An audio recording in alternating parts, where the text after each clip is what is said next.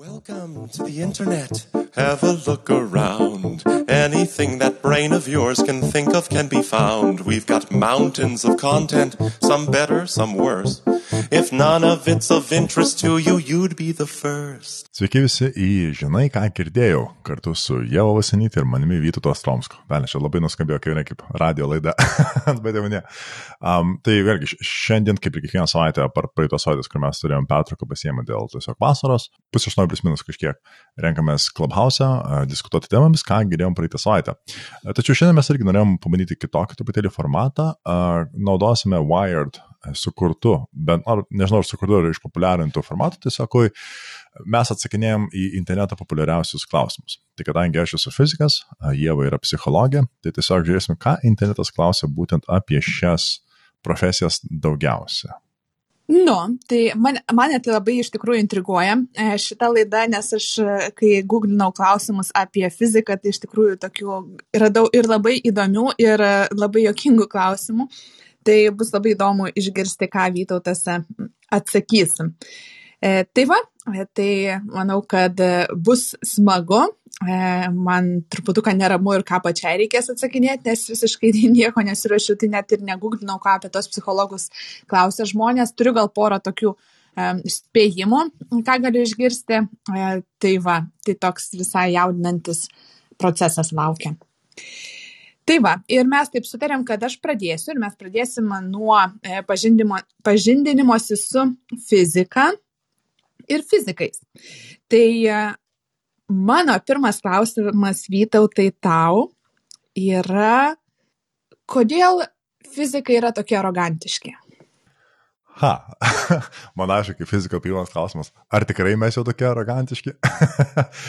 um, Čia įdomu iš tikrųjų, kodėl toks vaizdas susidarytas. Bet jeigu, tarkim, priemi, primčiau šitą idėją, kad taip, fizika yra arogantiški ir reikėtų mane pakrysti, tai turbūt sakyčiau, arogancija šio vietoje galėtų būti sukuriama per tą, kad um, tikri fizikai turėtų šnekėti labai objektyviai apie, apie daug, tai vadinasi, jie yra užtikrinti, užtikrinti savimi. Nes jie, kaip sakyt, subjektivumą stengiasi išmesti iš visko. Tai aišku, kaip sakyt, pasaulis yra supaprastintas dažnai, bet dažniausiai tame supaprastindama pasaulyje iš fizikinės pusės jie gali ganėtinai objektyviai pateikti informaciją ir ją pagrysti ir įrodyti. Ir Uh, jeigu žmogus yra nepasiruošęs tam, tai, galima, tai gali būti uh, priimama kaip arogancija, kadangi tiesiog jis yra toks vos ne, nebūtinai pasi, pasipuikuojančio, bet tiesiog tokio labai užtikrinto a, žmogaus įvaizdis gali būti sudarytas. Tai turbūt taip bandyčiau atsakyti. Bet nežinau, ar tikrai mes esame arogantiški. Gal esame? Nežinau. Hmm, aš gal pagal tavo apibrėžimą tai turbūt arogantiškais visus mokslininkus pavadinčiau, nes jie visi savo temose labai jaučia ir pasitikėjimą savimi ir žino faktus, yra patikrinę juos keliolika kartų. Nu, nežinau. Dažnai gal tau tada uh, palengvins um, tą tokį, padės suprasti, kodėl čia taip galvoja. Kitas klausimas, kurį radau. Um, kodėl tiksliau galvoja apie fizikus, kad jie arogantiški. Kitas klausimas. Kodėl fizikai juokiasi iš inžinierių? um, vėlgi, nežinau, ar mes juokiamės, bet jeigu juokiamės, tai turbūt dėl to. Tu ką tik nusijuokiai.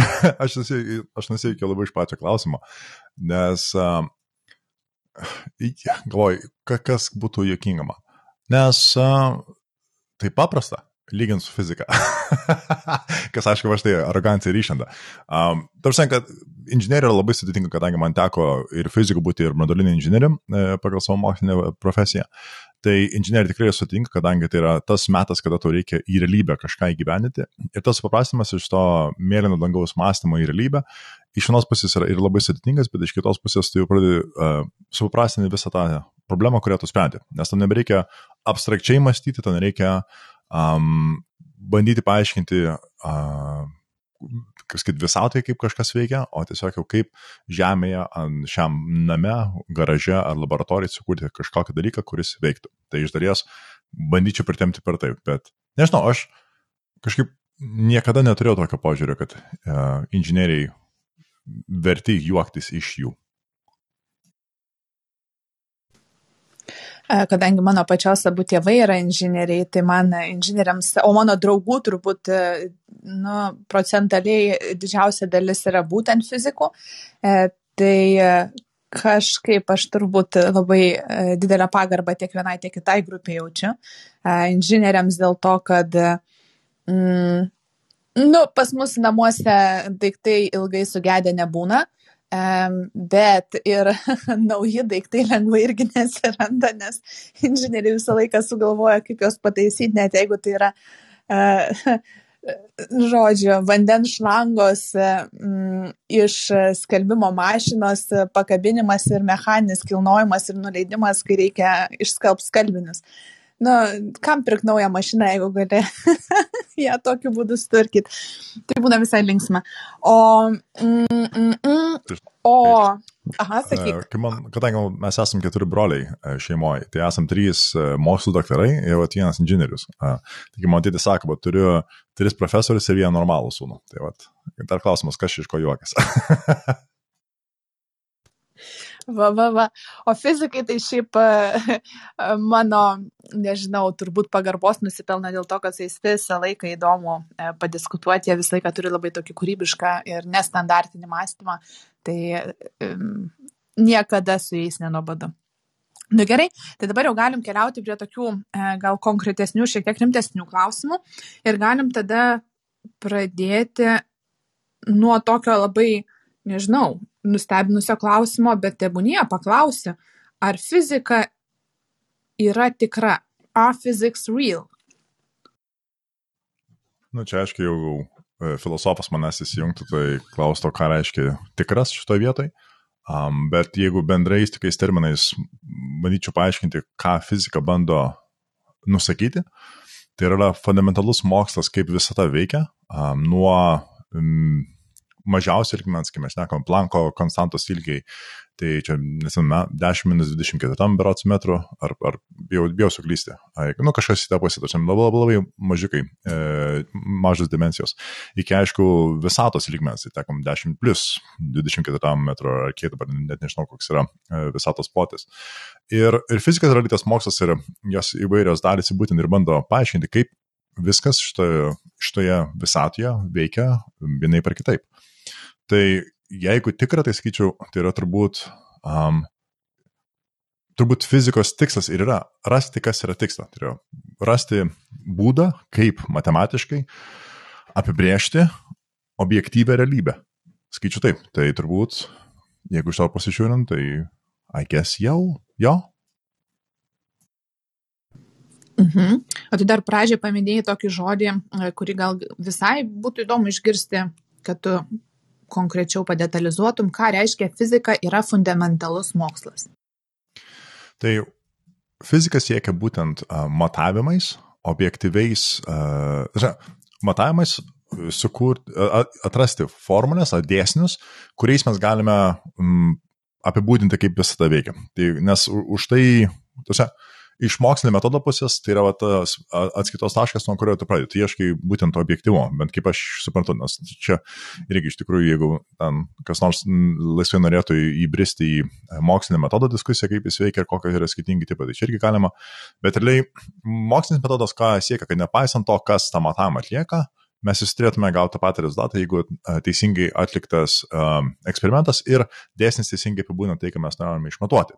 Tai jeigu taip yra, vadinasi, tai yra objektivu, o jeigu tai yra objektivu, tai ar kiek, kiek objektivu, kad kiek įmanoma, bent pagal dabartinius mūsų a, būdus ir metodus pasiekti, tai yra vadinasi fundamentalu. Aš bent taip suprantu. Tai fundamentalu yra tai, ką skirtingi žmonės e, pamatavę tais pačiais būdais e, gauna tą patį atsakymą. Čia objektivu. Tai fundamentalu būtų, kad tu pradedi nuo nulio, nuo pirminių principų, ta prasme, tiesiog žiūri, kaip, um, kaip, aš labai gerai pamenu, bakalauro metais vienas iš gražiausių dalykų, tai pasėmė Newtono antrą dėsnį, e, kad jėga lygų masė e, padauginta iš pagreičio, F lygų MA, ir nuo to pradedi išvedinėti visokiausius dalykus. Tai čia tas vadinasi nuo pirmųjų principų ir tai vadinasi fundamentalių dalykų, kai mes kažkokią pasiemame savybę ir ją pritaikant įvairiausias a, sferas, mes bandome rasti dėsnius, kuriais galim paaiškinti, kaip kas vyksta būtent kažkokiai terpė. Tai kaip pavyzdys, aš atsimenu, buvo būtent jeigu paėmė, matau, net nepaėmė, jo, ne šio, paėmė būtent tą Newton antrą dėsnį ir, pas, ir realiai man atrodo, paskui greičio lygti, kad greitis lygų atstumas nukeliautas padalintas per laiką, tai iš jų gali išvesti Schrödingerio e, lygti, tarsi, kuri yra fundamentali, tarsi, pagrindinė lygtis e, kvantiniai fizikai skaičiuoti. Ir, ir daug įvairiausių dalykų, termodinamikos dėsninti, prasme, panašių principų yra išvesti ir, ir daugelis dalykų. Tai fundamentalu, bet iš tos ir yra, kad ieškoma nuo to paprasčiausio pirminio taško, nuo kurio mes galim pradėti ir tai žiūrim, ką nuo to galim lydyti. Toks bottom up, nuo, nuo apačios į viršų ir ieškom atsakymų. Ir dėsnių. Jo. Ar aš klystu, saky, na gerai, čia ne iš Google, bet man labai įdomu. Aš klystu sakydama, kad tie fundamentalūs dėsniai, jie istorijoje yra buvę atveju, kai jie buvo paneigti? Um, ir taip ir ne um, labiau jų universalumas buvo paneigtas. Kaip turbūt elementariausias pavyzdys būtų vėlgi Newtono dinamikos dėsniai, kurie tinka ir labai tiksliai apibūdina, kaip um, objektai juda um, didėse, nu, didelėse skalėse, tarsi, ten milimetrų, mikronų, nanometrų lygmenyje, tarsi, vis dar jie apibūdina ir, jei neklystų, net ir planetų lygmenyje apibūdina ganėtinai gerai.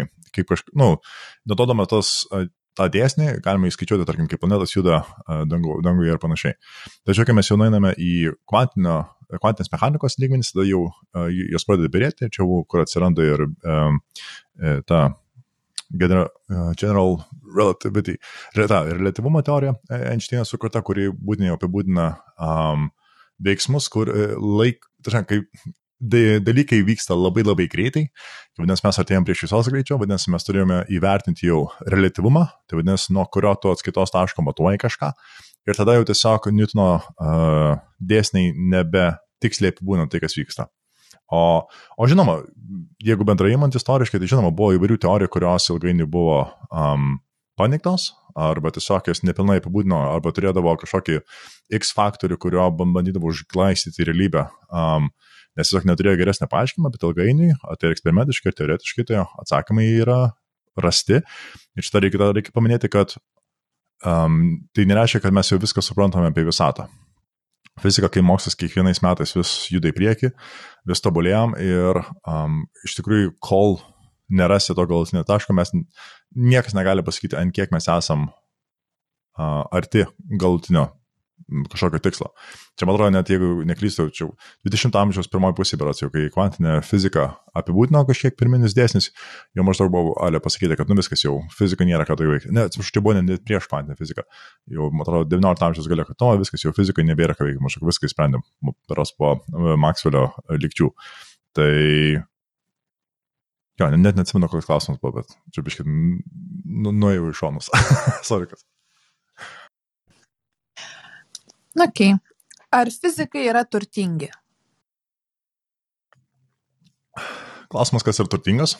Um, jeigu žiūrint pagal vakarų visuomenę, um, priklauso turbūt, kur tu dirbi. Jeigu dirbi universitete, um, vienetai yra, kurie turtingi.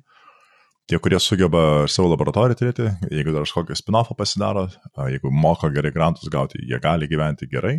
Bet irgi, jeigu mes ten turtingi šnekame milinėjus, tai tikrai ne um, išėjai į privatų sektorių, fizikai būna, gali būti tikrai labai turtingi, nes uh, bankai, finansinės uh, įvairios įstaigos tikrai samdo jos, ypatingai rizikų skaičiavimus, kai mes nekame apie draudimus ir panašiai, tai ten tikrai uh, įgūdžiai ir žinios, kurias fizikai turi, yra labai aukštai vertinami.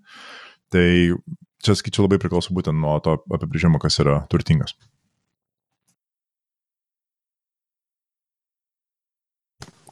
Okay. Nu gerai, dabar tu, jeigu atvirai, tai iš tikrųjų labai sudėtinga, pakankamai tenka įdėti pastangų. Um, e, kai klausau atsakymų, nes yra daug tokių visokių žodžių, kuriuos aš esu galbūt girdėjusi, kai kuriuos daugiau mažiau nuvokiu. Ką reiškia, tai aš dabar vieno, e, kaip tik vienas iš tų žodžių, kurį tu labai daug e, kartoji, tai buvo kvantinė fizika.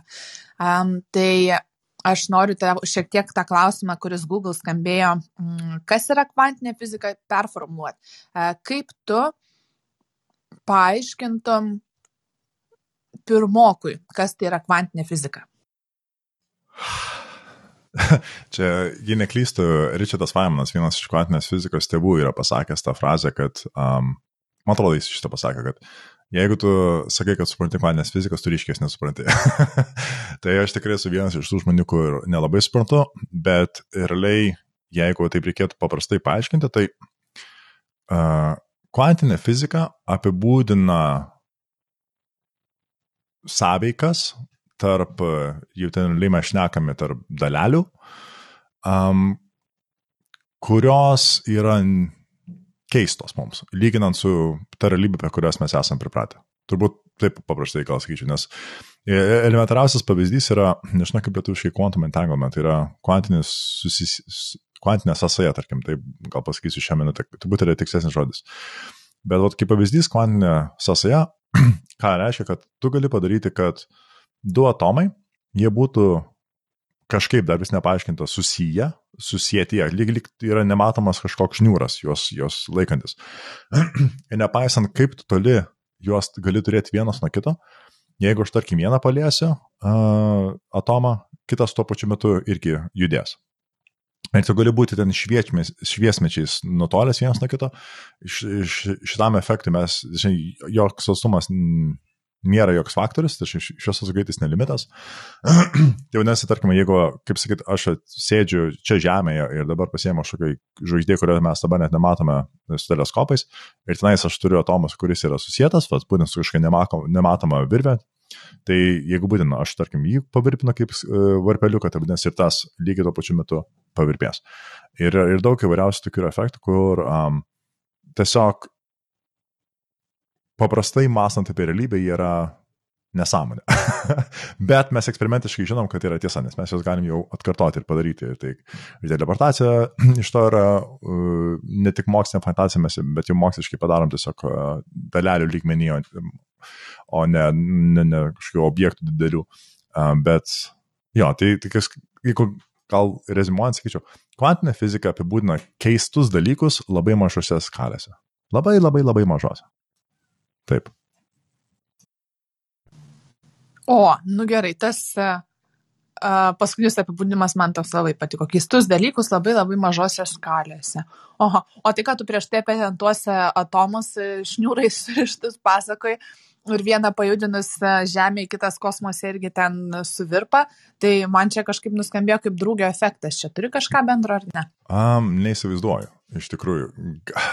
Man atrodo, drugio efektas labiau yra grindžiamas e, Hoso teorijos e, pusė. Realiai, kad e, jeigu tu turi sistemą, kuri būtent yra susijusi, tai tu negali nuspėti, um, kokį efektą turės pajudinimas kažkur toliau sistemą. Nu, tai va čia to apie orą, tą Hoso teoriją tą apibūdina. Dar irgi kažkaip niekada nesu aiškinęs, nesu susidėliojęs gerą paaiškinimą, kaip reikėtų paaiškinti um, būtent Hoso teoriją, bet turbūt jeigu įsivaizduočiau Jeigu, tarkim, turi kaip ir žvejybos tinklą, tai reikia įsivaizduoti, kad, tarkim, tai, yra, tai sistema, tarkim, tai yra oras mūsų kambarį ar kur tai bebūtum ir įsivaizduojam, kad tas visi, visi atomai, visos molekulės yra tokio kaip ir 3D žvejybos tinklas.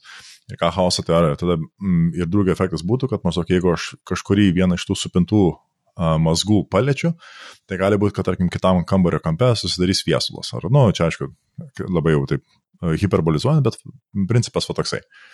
Tai va čia yra, o quantum entanglementas, kvantinė sąsaja ar sąryšis, aš nežinau, kaip, ne, nepasižiūrėjau, kaip lietuviškai šitas įsiverčia. Ne, tai čia yra būtent labai specifinis dalykas, kai tu būtent gali du objektus susijęti kažkaip, aš nežinau kaip, bet jau eksperimentiškai mes tą padarom, e, žmonės, ir tada būtent tu juos gali arba teleportuoti informaciją vieną tarp kito, nes jeigu, tarkim, jeigu tavo informacija yra, tarkim, ne žodžiai, ne garsai, o tiesiog yra um, vienas arba nulis, tai tarkim į viršų arba žemyn kažką pajudinę, nu į viršų, tai, nu, kai um, elektros lemputė, žinai, nori uždegti, tai jungiklį į viršų, tarkim, užsidega, žemyn užgesta. Tai tarkim mes pa, paėmėme, kad uh, uždegimas į viršų yra pliusas, žemyn minusas ir mes, tarkim, mat, taip pat pliusus, minusus, pliusus, minus rašydami, galime komunikuoti labai paprastai. Ir tai kvantinės tas sąsaja ar sąryšis sako, kad mes, uh, naudodami šitą metodą, galime informaciją perduoti per visatą, uh, nu, to pačiu, to pačiu momentu. Nėra jokios, Jie tu koks žodis dėlėjus. Nėra jokio uh, Atidėjimo. Nereikia laukti, niekiek. Tu prasme, ta informacija iš karto perdodama. Tai, tai taip. Mhm. Jeigu aš per, per daug kiberintų su, žinai, fizika ir panašiai, sakyk man, aš pasistengsiu geriau paaiškinti. Viskas gerai. Um, hmm. Ties ko fizikai šiuo metu dirba? Kokios yra pagrindinės darbo temos vyraujančios? Um, turbūt labai priklauso nuo, apie kurią mes fizikos uh, šaką šnekamės. Jeigu mes uh, kalbam, na, iš tokių labai fundamentalių fizikos, nes fizika irgi turi įvairiausių dalių, kai, tarkim, mano asmeninė sritis yra radiacijos detekcija, tačiau jeigu net, kai skaičiau, arčiau branduolinės inžinierijos kaip sritis, bet jeigu mes, tarkim, tokius apie tokius milžiniškus projektus, kai šnekam, kurie bando suprasti, kaip būtent visą tą veikia iš fundamentalaus vėlgi lygmens, tai skaičiau, gravitacinės bangos yra milžiniškas toks projektas, prie kurio mes žmonėje dirba um, ir bando suprasti jas kaip vieną iš fundamentalių jėgų veikiančių visatoje ir uh, tą, tą papildyti. Dalelį fizikų, tai mes žinome, turime e, CERNO ir didįjį hadronų gridintuvą, e, kurie e, dabar kalba, kad ten jie šiuo metu jau kai Higgs bosoną rado, dabar man atrodo, jie ieško eksperimentiškai bando atrasti dalelės, kurios paaiškina supersimetrijos um, nuokrypus. Tai čia biški irgi Jeigu tokį greitą paaiškimą duoti, tai ten, jeigu mes ėmame giminės dalelių, kurias mes turime, fundamentalių, tai ten, tarkim, elektronas turi savo porininką, e, pozitroną ir panašiai, yra jų ten visa giminė. Ir jos, kaip atrodo, visa, kiekviena jų turi savo lyg porininką visą laiką, tai dėl to tokia lyg simetrija egzistuoja. Tačiau yra atveju, kai teori, teoriškai turėtų ta simetrija būti sulaužyta ir kol kas mes eksperimentiškai dar jos nepasiekėm, bet kai yra kol kas įsitikinimas, arba jeigu ta supersimetrijos eksperimentiškai bus pamatuota, kad jį, mes ją sulaužom, tai čia vėlgi atsivers visiškai nauja fizikos šaka, nes kol kas, e, tarkime, iš dalelių fizikos, tai kiek žinau, šita teorija jau beveik apie šimtą metų buvo bandoma daužyti eksperimentiškai, kiek tik įmanoma ją paneigti ir kol kas jį labai tvarkingai veikia ir paaiškina labai tiksliai, um, kaip būtent visą tą galima sudaryti iš nu, fundamentalių dalelių, kad net, net, net ne atomo, bet nes atomai yra sudaryti iš gluonų ir, ir panašiai. Iš, iš kvarkų, čia ne iš kvarkų sudaryti, o tarp kvarkų yra gluonai, kuriuos jūs, kurie jūs laiko. Tai čia, skaičiu, dirba, um, paskui galvoju, kas dar aš gal prie šito, na, gal noriu sustoti truputuką, o tu man gali vat, paprastai psichologijai papasakot, o man, kokia man nauda iš vat, visų šitų ten Higgso bozono, e, ten tos visos dalelių fizikos, kas man iš to, kad ten kažką atrasti? Nežinau. Paprastai išneka, nežinau. Kadangi kol netradom, to labai sunku to pasakyti. Čia labai panašiai kaip radaro išradimas antro pasaulinio karo metu, mes negalėjom numanyti, kad tai padarys tokį milžinišką informacijos proveržį visai žmonijai. Tai satelitai atsirado, radio komunikacijos, paskui televizijos atsirado komunikacijų, internetas, aišku, ilgainiui ir panašiai. Tai kas nueis ateityti čia tiesiog žmonės, kurie arba mokslinę fantastiką rašo, arba labai gerai moka priburti ir atspėti, kas iš tikrųjų bus, kaip bus. Um, bet kiekvienas fundamentalus proveržis e, žmonijoje privedė prie kažko tokio Tačiau tas technologinės revoliucijos, kurias mes matome per paskutinį šimtą metų, sakyčiau, yra labai tiesiogiai susijusios su milžiniškais technologiniais proveržiais, o būtent fundamentaliam supratime, kaip visą tai veikia. Tai tarkim, net jeigu mes įmam kvantinę fiziką, tai tarkim, jos tiesioginis pataikymas bus e, kvantiniai kompiuteriai. Kai jie jau taps uh, ta technologija išvysta, kad jau galima komerciškai juos naudoti, tai vadinasi, ką mes dabar laikome kompas, tai čia atrodys kaip e, su abakais naudotis. Taip, čia bus, nu, visiškas surudės metalo laušas palyginus su ko, ko, ką kvantinė, um, kvantinė kompiuterija atneš į, į realybę. Nes tada atsiras ir kvantinė tas encryption, tai e, duomenų apsauga, žinau, už, užkodavimas realiai informacijos, tai vadinasi, tas, tas nepalaužimo, vadinasi, mes turėsime e, ne, nepalaužimą saugią informacijos perdavimą, nu, tas milžiniškos revoliucijos prieš akį. Tai ką tau kaip psichologai duos, nežinau, net ką man kaip fizikai duos, nežinau. Bet kol kas ta tendencija rodo, kad kažką įtin naudingo.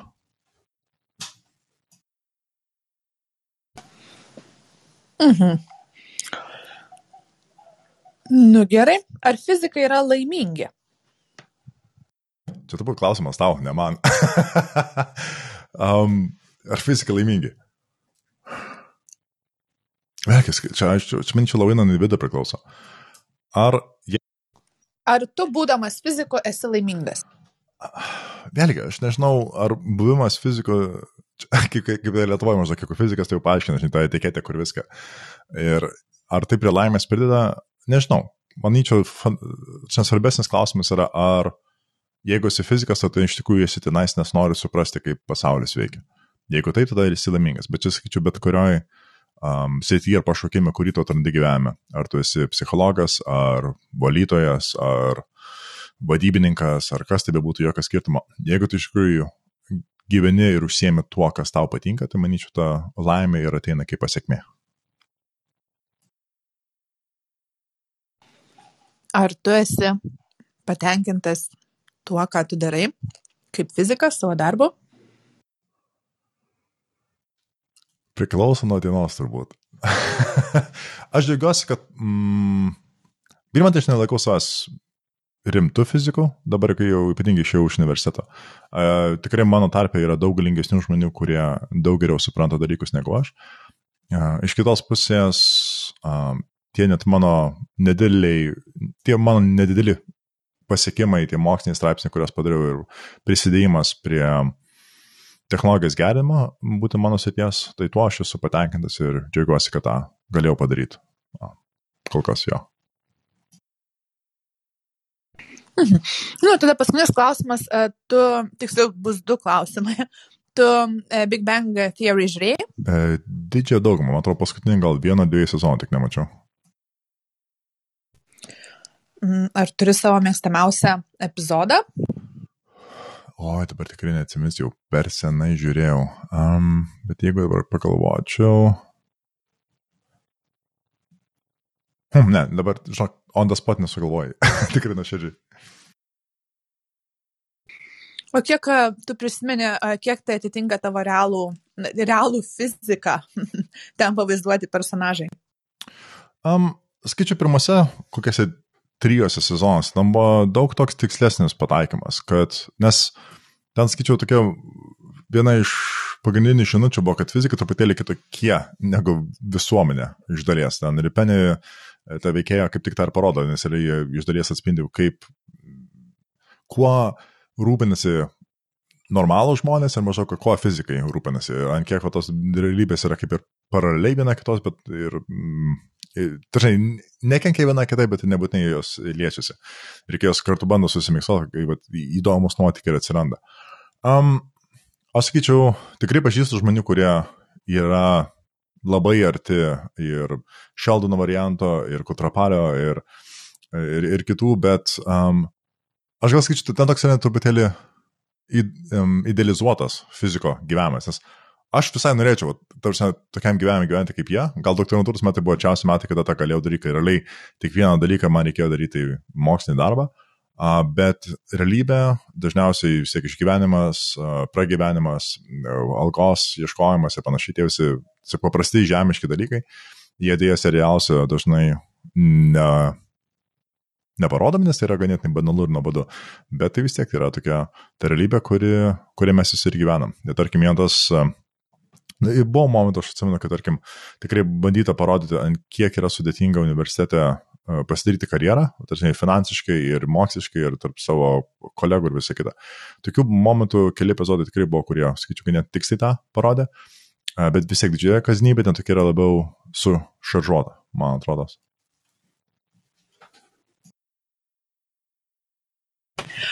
Nu gerai, aš čia turbūt tikrai dar galėčiau ilgai nutempinėti savo tardymo laiką, bet matyt, kad tenka užbaigti. Ačiū. Labai buvo įdomu šiek tiek prisiliesti prie tavo darbinio pasaulio.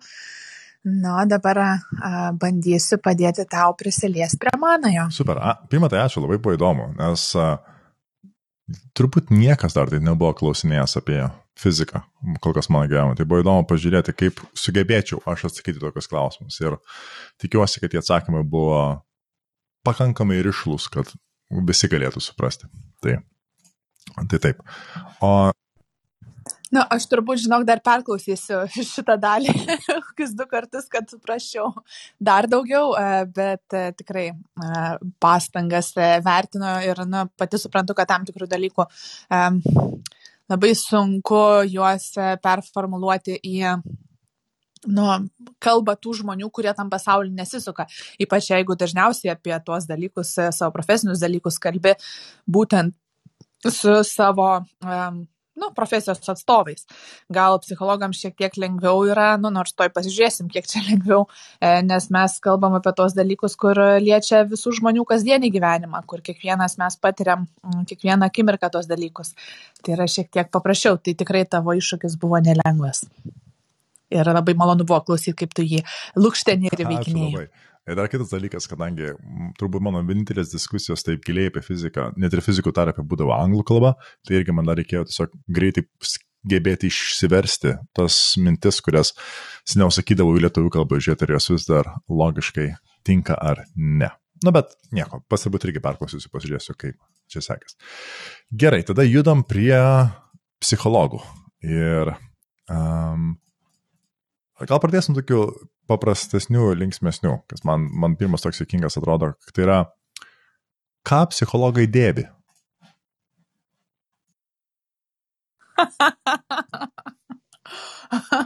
Na gerai, šiuo metu, e, na aš turbūt psichologija, ar aš esu 24 valandas per parą psichologija? Nu gal ne, ne. Nu taip, Nežinau, čia turbūt kitas klausimas, ar psichologas geba išrinkti psichologą. Bet žodžiu, ok, šiuo metu dėviu e, Vilniaus universiteto bliuzoną e, ir mėlynas kelnes, ir koinės e, su gėlytėm ir šlepetės. Tai maždaug taip yra apsirengęs psichologas. Tas pats, ar čia jau tik tais namuose, va čia klausimas man. Mm, Hmm. Nu gerai, jeigu šiek tiek e, rimčiau pagalvojus, kaip tie psichologai apsirengia, tai pavyzdžiui, kai atlikinėjau praktiką e, ligoniniai e, kardiologinės rehabilitacijos skyriuje, tai aš dėvėdavau baltą halatą ir turėdavau kortelę su savo mm, vardu ir užrašu medicinos psichologija praktikantė. Tai medicinos įstaigose dirbantis psichologai, jie dėvi nu, tą tokią uniformą, ar ne, įprastą medicinos personalui. E, jeigu psichologas, pavyzdžiui, dirba kariuomenėje, e, jisai e, tam tikromis aplinkybėmis, ten, kur reikalauja protokolas, dėvės irgi karinę uniformą.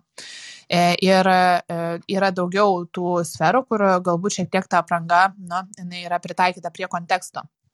Bet turbūt bendrai paėmus, tai psichologas jisai rengiasi taip, kaip reikalauja ta aplinka, kurioje jisai dirba. Aš pavyzdžiui, kai konsultuoju studentus ir mm, tai, nu, savo leidžiu eiti darbą su universitetiniu blizonu e, ir tas, nu, tik tai gal nesušlepetėm būna, nors pažįstu psichologų, kurie darbė ir su šlepetėm vaikšto vardan patogumu. Tai yra tokių aplinkų, kur neįpareigoja mm, rengtis tam tikrų būdų. Mhm, aišku. Čia dabar šitas klausimas realiai vairiom formomis yra klausimas interneto, bet tai į vieną sudėsti realiai, ką psichologai daro, kaip psichologai dirba ir padeda pacientams.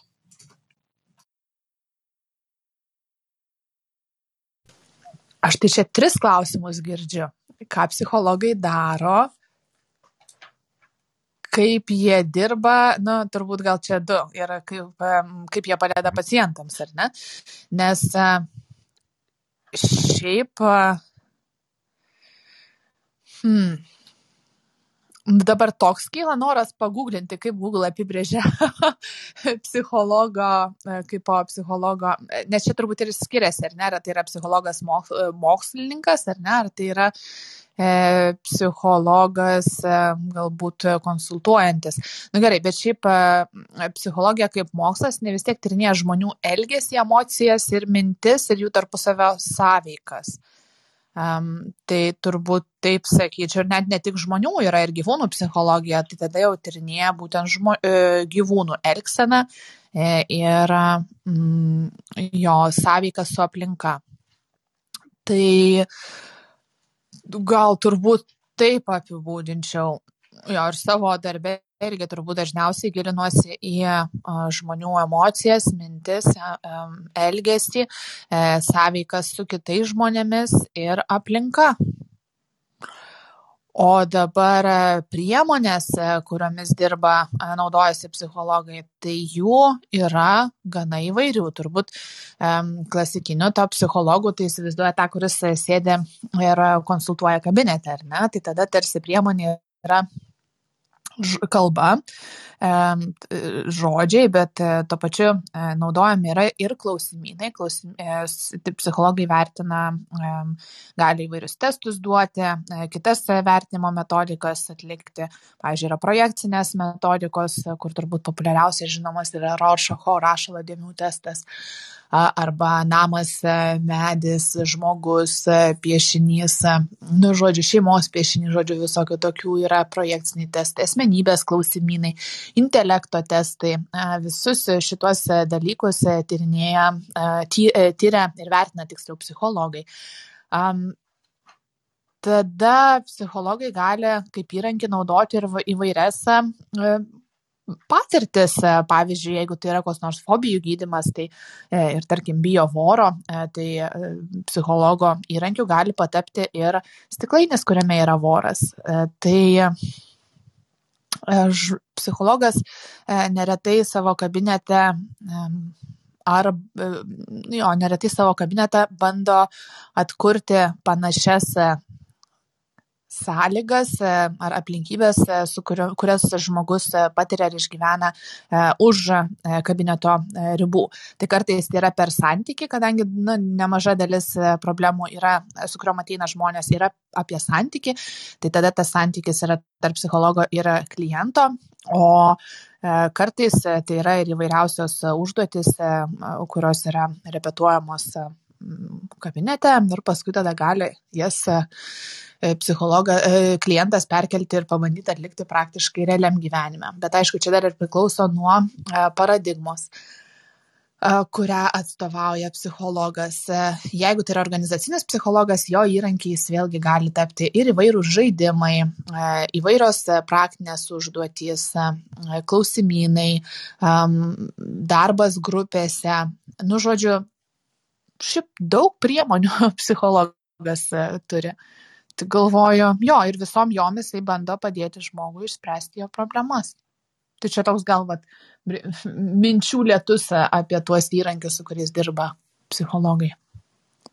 Ai, o jeigu ir dar turbūt, e, jeigu kalbam apie psichologus mokslininkus, tai jie atlieka kaip ir visi kiti mokslininkai įvairius eksperimentus, e, dirba laboratorijose e, ir tyrinėja viską nuo, e, kokia neuropsichologija, tai gali ir, ir gyvūnus, tarkim, pelytės, tyrinėti jų reakcijas į, tarkim, nervinius kažkokius signalus ir gali įvairius testuoti žmonės, sukelti jam įvairias sąlygas, tam tikras nu, stimulus kažkokius, žiūrėti jų reakcijas ir panašiai.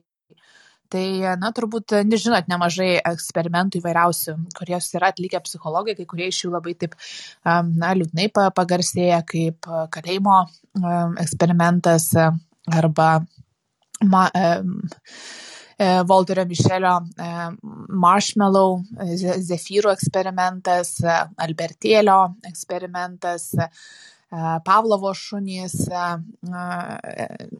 kaip jisai su jais eksperimentavo ir, žodžiu, daug visokių kitokių įdomių, baisių ir netokių baisių eksperimentų, kurie, aišku, jau dabar dauguma jų yra Um, nu, gal kalbu konkrečiai, pavyzdžiui, kaip kalėjimo eksperimentas, tokie jie yra neleidžiami, nes psichologas šiais laikais riboja psichologo etiką. Wow. O čia tai atsakymas. Aš iš karto, da, prieš, prieš grįžtant prie interneto klausimų, noriu paprašyti patikslinimo. Um, pirmą, tai kai išvardinai įvairiausių testų, tą visą aibę ten. Tai man pirmas klausimas, tas rašlo dėmių testas, ar jis iš tikrųjų veikia? Ir prie to pačio, ar yra testų, kurie jau įrodyti, kad neveikia, bet yra dar kaip užsilikę aidai iš praeities ir, žinai, žmonės, kai šį parčią naudoja, nors iš tikrųjų jau jie, nu, visiškai atgyvenę ir jau įrodyti, kad jie neturi naudos.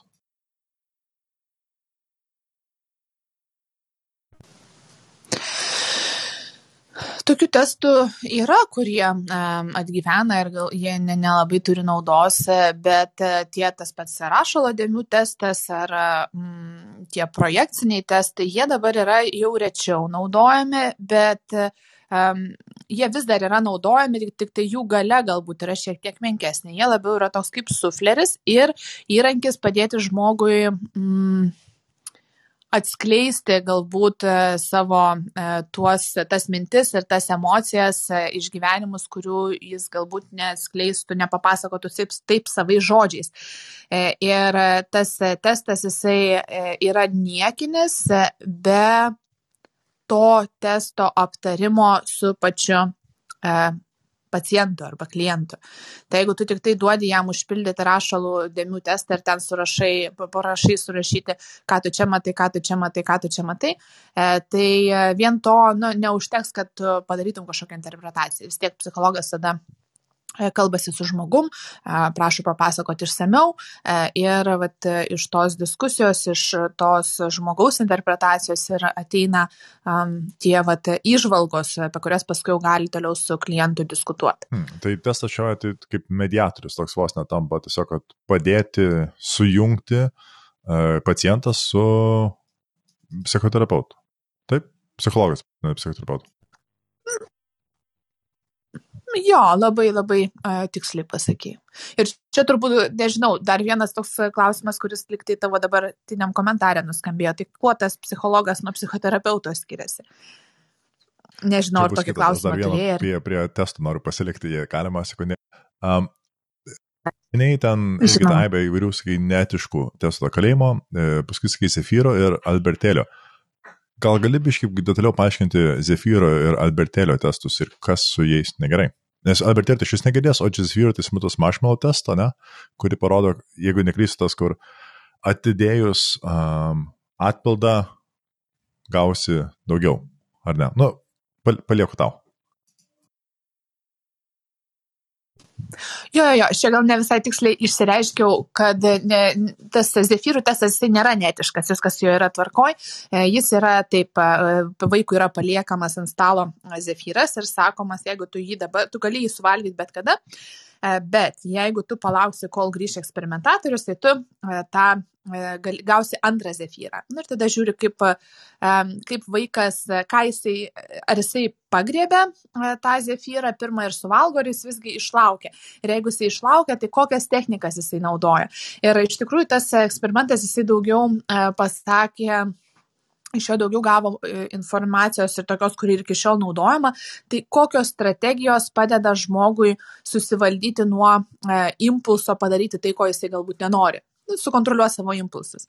Tai vaikai ir bandė e, paslėpti tą um, objektą, e, kad jo nematytų, ką mes irgi kartais darom, mes bandom, na, neiti į tas vietas, kur mums gali kilt kažkokių pagundų. Pavyzdžiui, jeigu nenori valgyti jo, jeigu aš nenoriu valgyti saldumynų, tai aš biškis stengiuosi maksimoje apeiti tą kvepiančių bandelių e, skyrių. E, ir, ir, ir, žodžiu, kitos strategijos, kurias galima pasižiūrėti video, YouTube tikrai rasti apie tai. E, toliau, o Milgro, e, tas kalėjimo eksperimentas, jisai tikrai buvo neetiškas, nes, e, na, jeigu eina kalba e, Kalėjimo eksperimentas yra tas, kur buvo suskirstyti e, savanoriai, nesutikę dalyvauti eksperimente į prižiūrėtojus ir kalinius ir buvo žiūrima, kaip keičiasi jų elgsena. Na ir ten e, buvo visokių ir smurto atvejų, ir, ir, ir tokių, ir patyčių, ir, ir um, nu, jisai dabar jau tokiu būdu manipuliuoti žmonėmis neleidžia eksperimento sąlygomis, nes tas palieka paskui nu, tokias traumuojančias patirtis e, ilgam laikui. Tai žodžiu, yra pagrindinė taisyklė nepakenk žmogui mm, tiek konsultuojančio psichologo, tiek darančio eksperimentus. O mažasis Albertėlis e, e, buvo tikslas to eksperimento išsiaiškinti, ar galima išmokyti žmogų bijoti. Ir, nes mes daugumą baimių išmokstam. Ir kūdikis, jis e, iš pradžių žaisdavo su, man atrodo, triušiuku, labai ramiai, saugiai žaisdavo, o po to jam eksperimentatorius e, pradėjo daryti tokį dalyką, kad kai tik jisai paliečia triušiuką, už nugaros vaikui per tokį didžiulį metalinį e, vamzdį suduodavo kitų metalinių vamzdžių ir sukeldavo tokį didelį garsą, stiprų garsą. Ir čia yra viena iš tokių įgimtų baimių. Ir kai mes to garso šaltinio nematom. E, tai e, ir ilgainiui e, vaikui nebereikėdavo to garso sukelti, jisai tiesiog pamatydavo triušiuką ir jo bijodavo ir tas baimės paskui generalizavosi, tai yra, kad jis pradėjo bijoti visų baltų pukuotų objektų. Wow, apie šitą nebuvau girdėjęs, bet čia skamba kaip Pavlo šuns Aleksinas jau pritaikė žmogui ir dar su baimėm susijęs. Fantastika, labai įdomu. Taip, žina. Taip. Sweet. Taip, okay. Gerai, uh, tada grįžtant, vat, kaip ir tu užsiminėjai, būtent, e, kuo skiriasi psichologas nuo psichoterapeuto?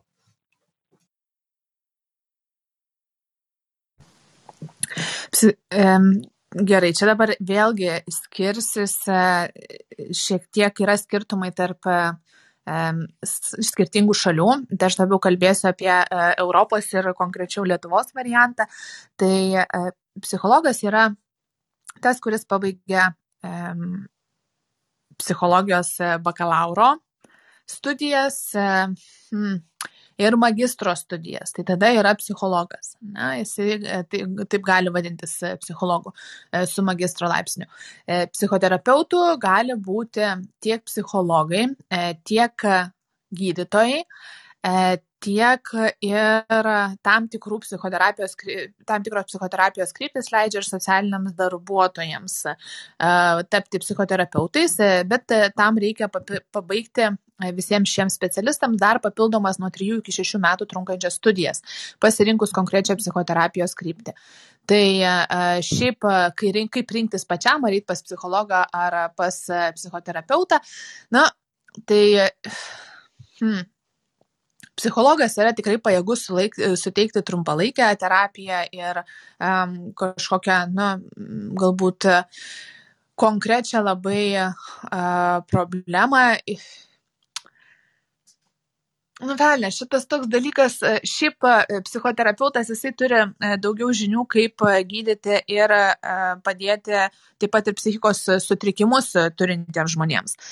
Ko psichologas kaip ir nelabai turi tam reikalingų kompetencijų, nes universitetas tiek smarkiai nerošia, kaip dirbti su psichikos sutrikimais.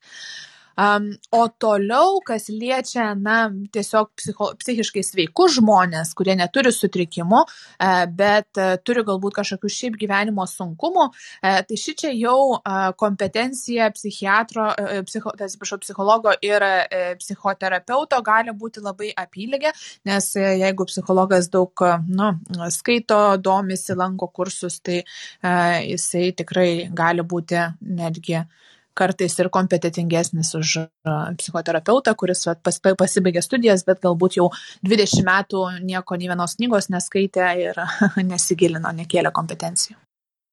Mhm. Nuostabu. Um, taip, tada kitas klausimas anot interneto yra, kada psichologai uh, priskiria vystimasi gamtai. Tai čia tas nature versus nurture argumentas. Kada psichologai priskiria vis dėlto uh, gamtai dalykus. Ką atsineša žmogus? Priskiria tada, kai e, moksliniai tyrimai, genetiniai tyrimai parodo, kad tas dalykas yra atsinešamas. Tai dažniausiai čia, e, manau, iš dvinių tyrimų e, paaiškėja, Bet šiaip labai daug tų, nu, tarkim, tam tikros e, psichikos sutrikimai turi labai didelį e, genetinį komponentą, bet jis niekada nebūna šimtaprocentinis. Ir dažnai yra e, sąveika aplinkos ir genetikos tam, kad susiformuotų kažkokie um, sutrikimai.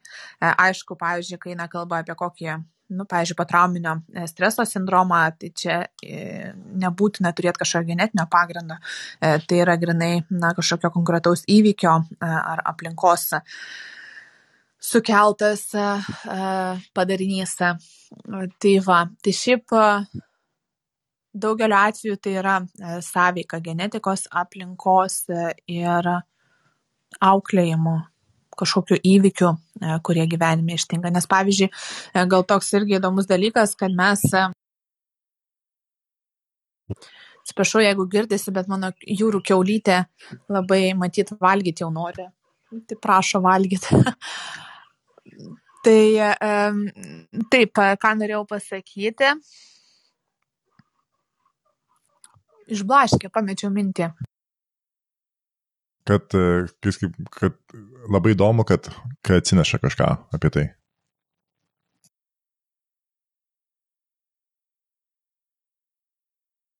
Mhm, bet visiškai, visiškai dingo mintis. Nu, nieko, Kažką gal, norėjau sakyti. Gal, gal, gal, jeigu sakai, yra tyrimų parodytų, kad genetiškai kažką žmogus atsineša iš dvinių panašiai, tai gal turi kokį pavyzdį, kad jūs, žinai, moksliškai įrodyti, kad va, tą kažkokią savybę ar elgseną ar kas tai bebūtų, iš tikrųjų mes atsinešam, o ne ji yra įgyta.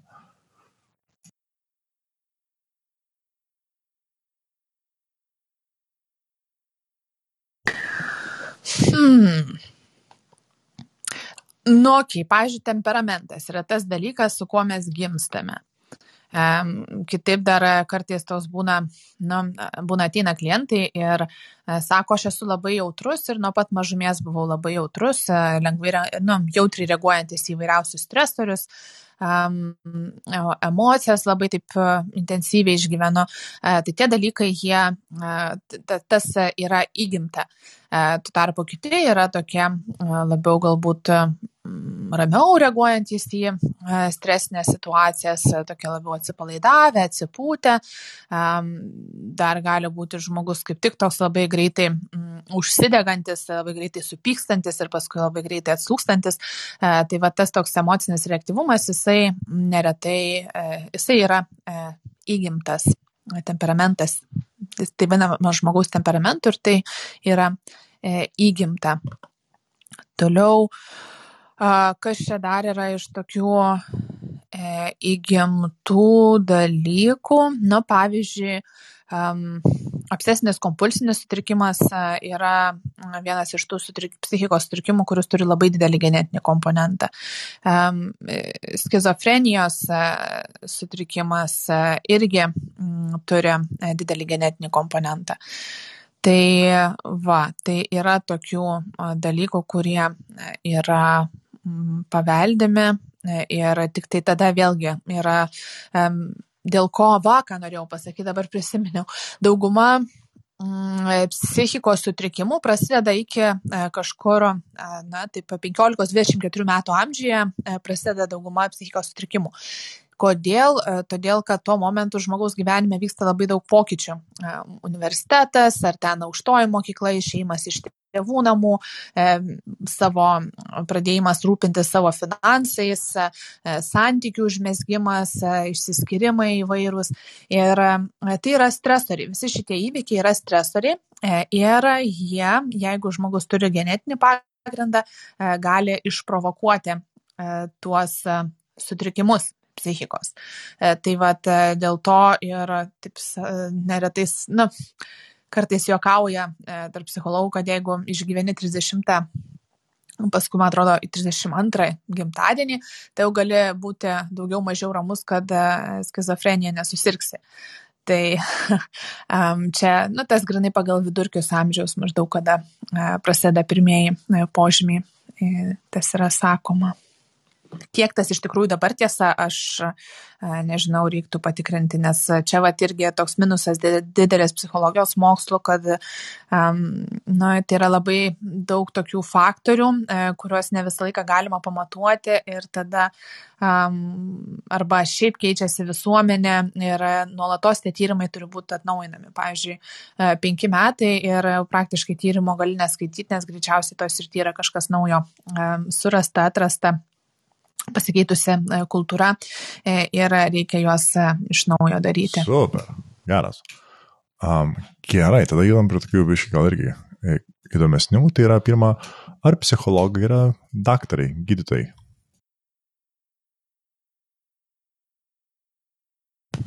Mm, kadangi tu turbūt googlinai anglų kalbą, tai tam tikrose šalise psichologai gali išrašyti medikamentus, jeigu jie yra papildomus psichofarmakologijos kursus pabaigę. E, Lietuvoje tai nėra galima ir e, gali tik tai medikamentus psichikos sutrikimams gali išrašyti tik tai psichiatrai. Tai yra jo, mediciną pabaigę specialistai su psichio, psichiatrijos rezidentūros studijomis ir kartais gali būti, pavyzdžiui, psichiatras, psichoterapeutas, pas kurį galima eiti terapijos ir, pavyzdžiui, jeigu turi tarkim, sunkia depresija, dar šalia gali tau paskirti ir medicamentinį gydimą. Super. O kaip ir klausė apie fiziką, tai psichologijos tas pats klausimas, ar psichologai turtingi? Ir to pačiu, galima dar pridėti, kur dirbdami psichologai daugiausiai uždirba.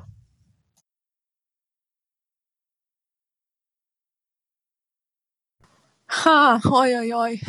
Kai aš e, stojau į e, psichologiją, man e, tada sakė, kad dieve, vaikė, tugi nepragyvensi, tu gyvensi nuo atlyginimo iki atlyginimo, čia neuždirba, niekam tų psichologų nereikia. O dabar aplinkui visi skundžiasi, kad kaip neįmanoma susirasti psichologą, nes pas visus eilės yra labai didelės. Tai paklausa psichologų tikrai yra. Kiek jie uždirba, tai čia vėlgi labai priklauso nuo šalies, e, kurioje e, jie dirba. Ir e, tikrai, kai aš pasakiau, kad brangiausiai apmokamas, nu, toks vienas iš brangesnių psichologo jau tokio profesionalo įkainių yra apie 50 eurų už konsultaciją, tai italai iš manęs nusižvengia, nes sako, pas mus 50 eurų gauna ką tik, ką tik universitetą pabaigęs psichologas. Tai, tai va, tai čia tokio labai priklauso nuo to, kur, kur, kurioje šalyse. Čia aš kalbu apie nu, darbą, kuomet, apie konsultacinį darbą.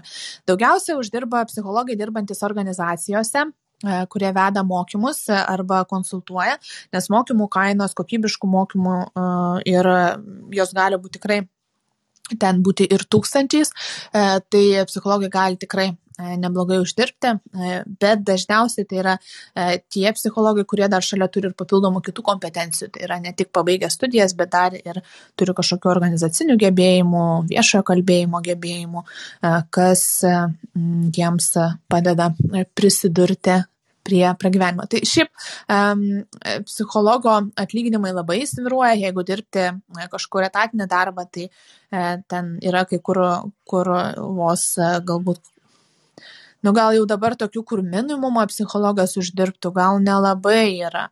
Jau paprastai daugiau gauna negu minimumą, bet um, vidutinio atlyginimo š, pagal šalies vidurkį Lietuvoje tikrai galima uh, tikėtis dirbant psichologo darbą. Džiugu girdėti.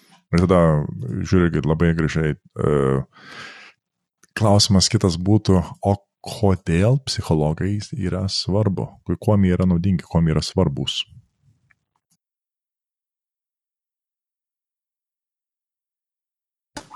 Oi, čia dabar, čia, žinai, e, klausė panegirikos nu, e, savo. Gali, žinai, mąstyti. um, Ta, tas yra argumentas. Taigi, aš, aš su draugu, aš su mama pasišneku, tai man psichologo nereikia.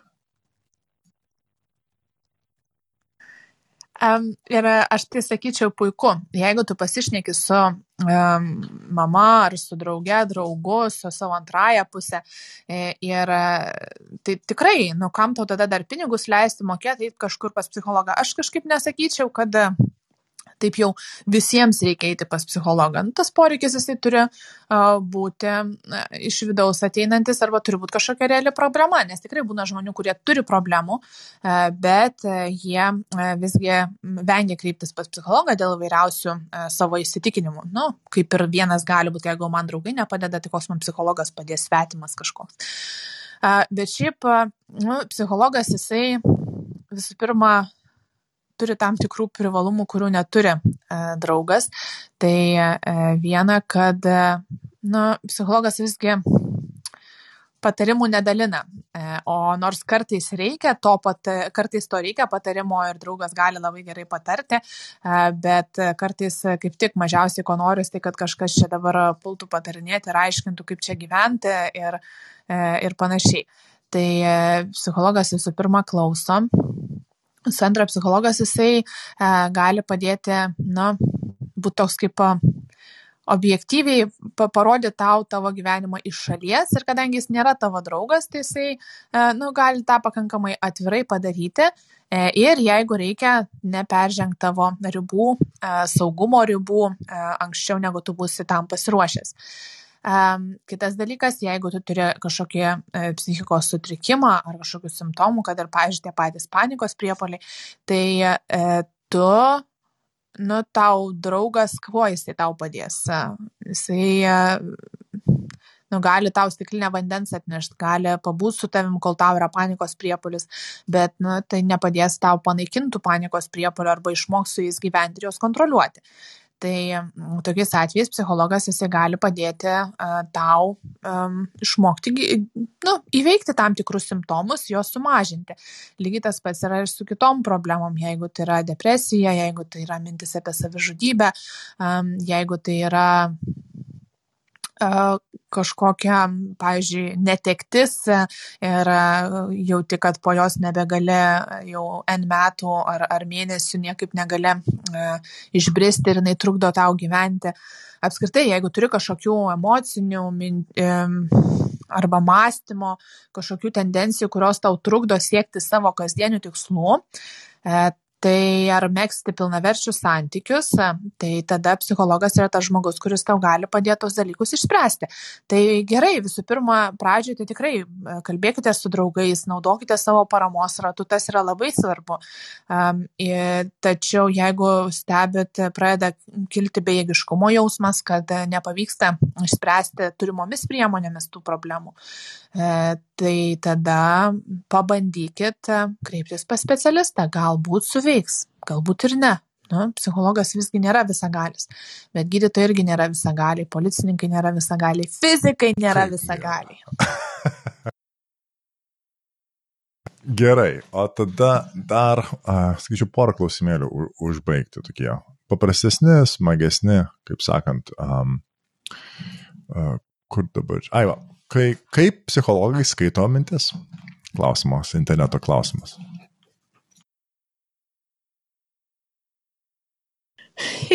Žinau, šito klausimo tai visai tikėjausi, nes kai pasakai, kad esi, e, pasakau, kad esu psichologė, tai vienas dažniausių klausimų būna, o, tai tu dabar turbūt mano mintis gali skaityti.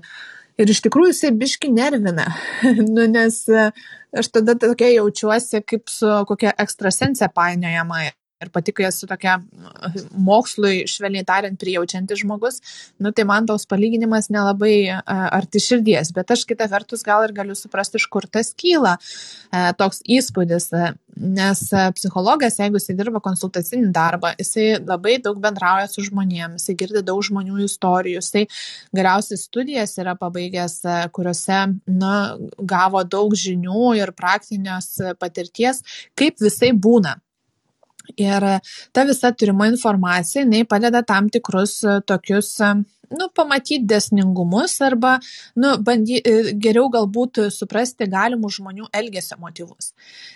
Ir tada, kai tu žmogui įvardinė jo galimus elgesio motyvus, kurių jisai pats garsiai nepasakė, tai tada toks susidaro įspūdis, kad o, tai tau čia mano dabar mintis perskaitė.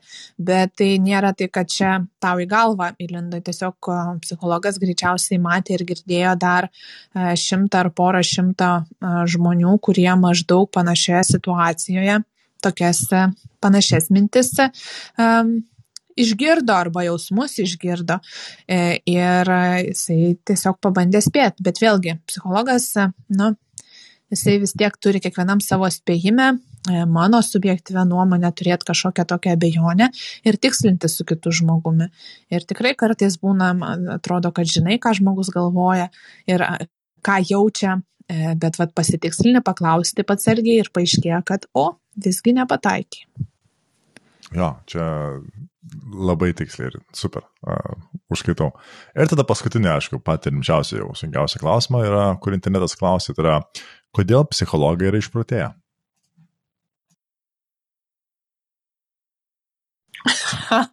Vos vandenį nepaspringau. Kodėl psichologai yra išprotėję? Hmm. Čia gal kaip lietuviai klausia, ar e, psichologas e, turi psichologinių, ar psichologas stoja į psichologiją dėl to, kad pats turėjo psichologinių problemų. Oi, e, Aš tai turbūt taip, tam tikrą prasme ne, nesąmoningai, bet e, stojau tam, kad e, tam tikrus klausimus savo atsakyti, e, kurie kilo iš nu, tam tikrų psichologinių iššūkių, kuriuose išgyvenau per paauglystę ir vaikystę ir tos atsakymus gavau. Tai dar kitas atsakymas, kurį kartais sakau, tai a, psichologinių kažkokių problemų mes turim visi, E, tik psichologai jas nu, nu, nu, yra vieni iš tų žmonių, kurie studijas pasirenka kaip būdą tas problemas spręsti. Arba e, yra pakankamai galbūt suinteresuoti ne tik savo problemas išspręsti, bet paskui dar padėti ir kitiems išspręsti, remdamiesi savo turimą patirtimi ir mokslo žiniomis. E, tai va, tai ar psichologai yra išprotėję? Nu, statistiškai, tai aš manau, visose profesijose rastum panašų procentą žmonių turinčių psichikos sutrikimų. Tai psichologai irgi yra ne išimtis ir tai, kad tu esi psichologas, neapsaugo tavęs nuo visų gyvenimo negandų.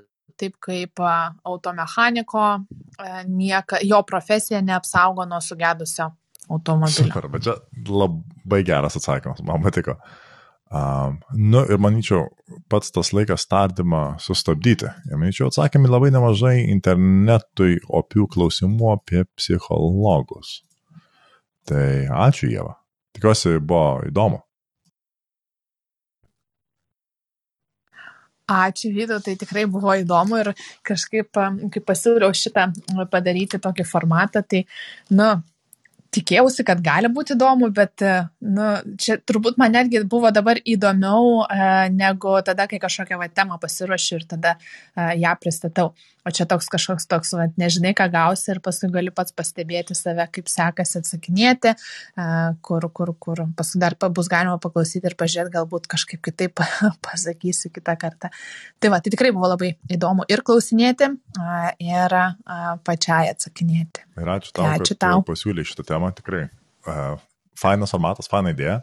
Ir pačiam tikrai buvo smagus, smagi galimybė pagalvoti, ar vis dėlto sugebu apibūdinti, ką iš tikrųjų fizika ir ką fizika reiškia. Ir ypatingai gal čia šiais laikais tas yra opus klausimas dėl įvairių um, antimokslinių judėjimų vykstančių. Ir vis dėlto mano nuomonė, kiekvienas žmogus dirbantis su mokslu, naudojantis mokslinį metodą, yra netiesiogiai arba tiesiogiai įsipareigojęs būtent um, jį ginti nuo šitų palimų, skatinti jos klaidą ir paaiškinti žmonėms, kodėl mokslinis metodas yra ir naudingas, ir ypatingai svarbus. Tai labai įdomu buvo.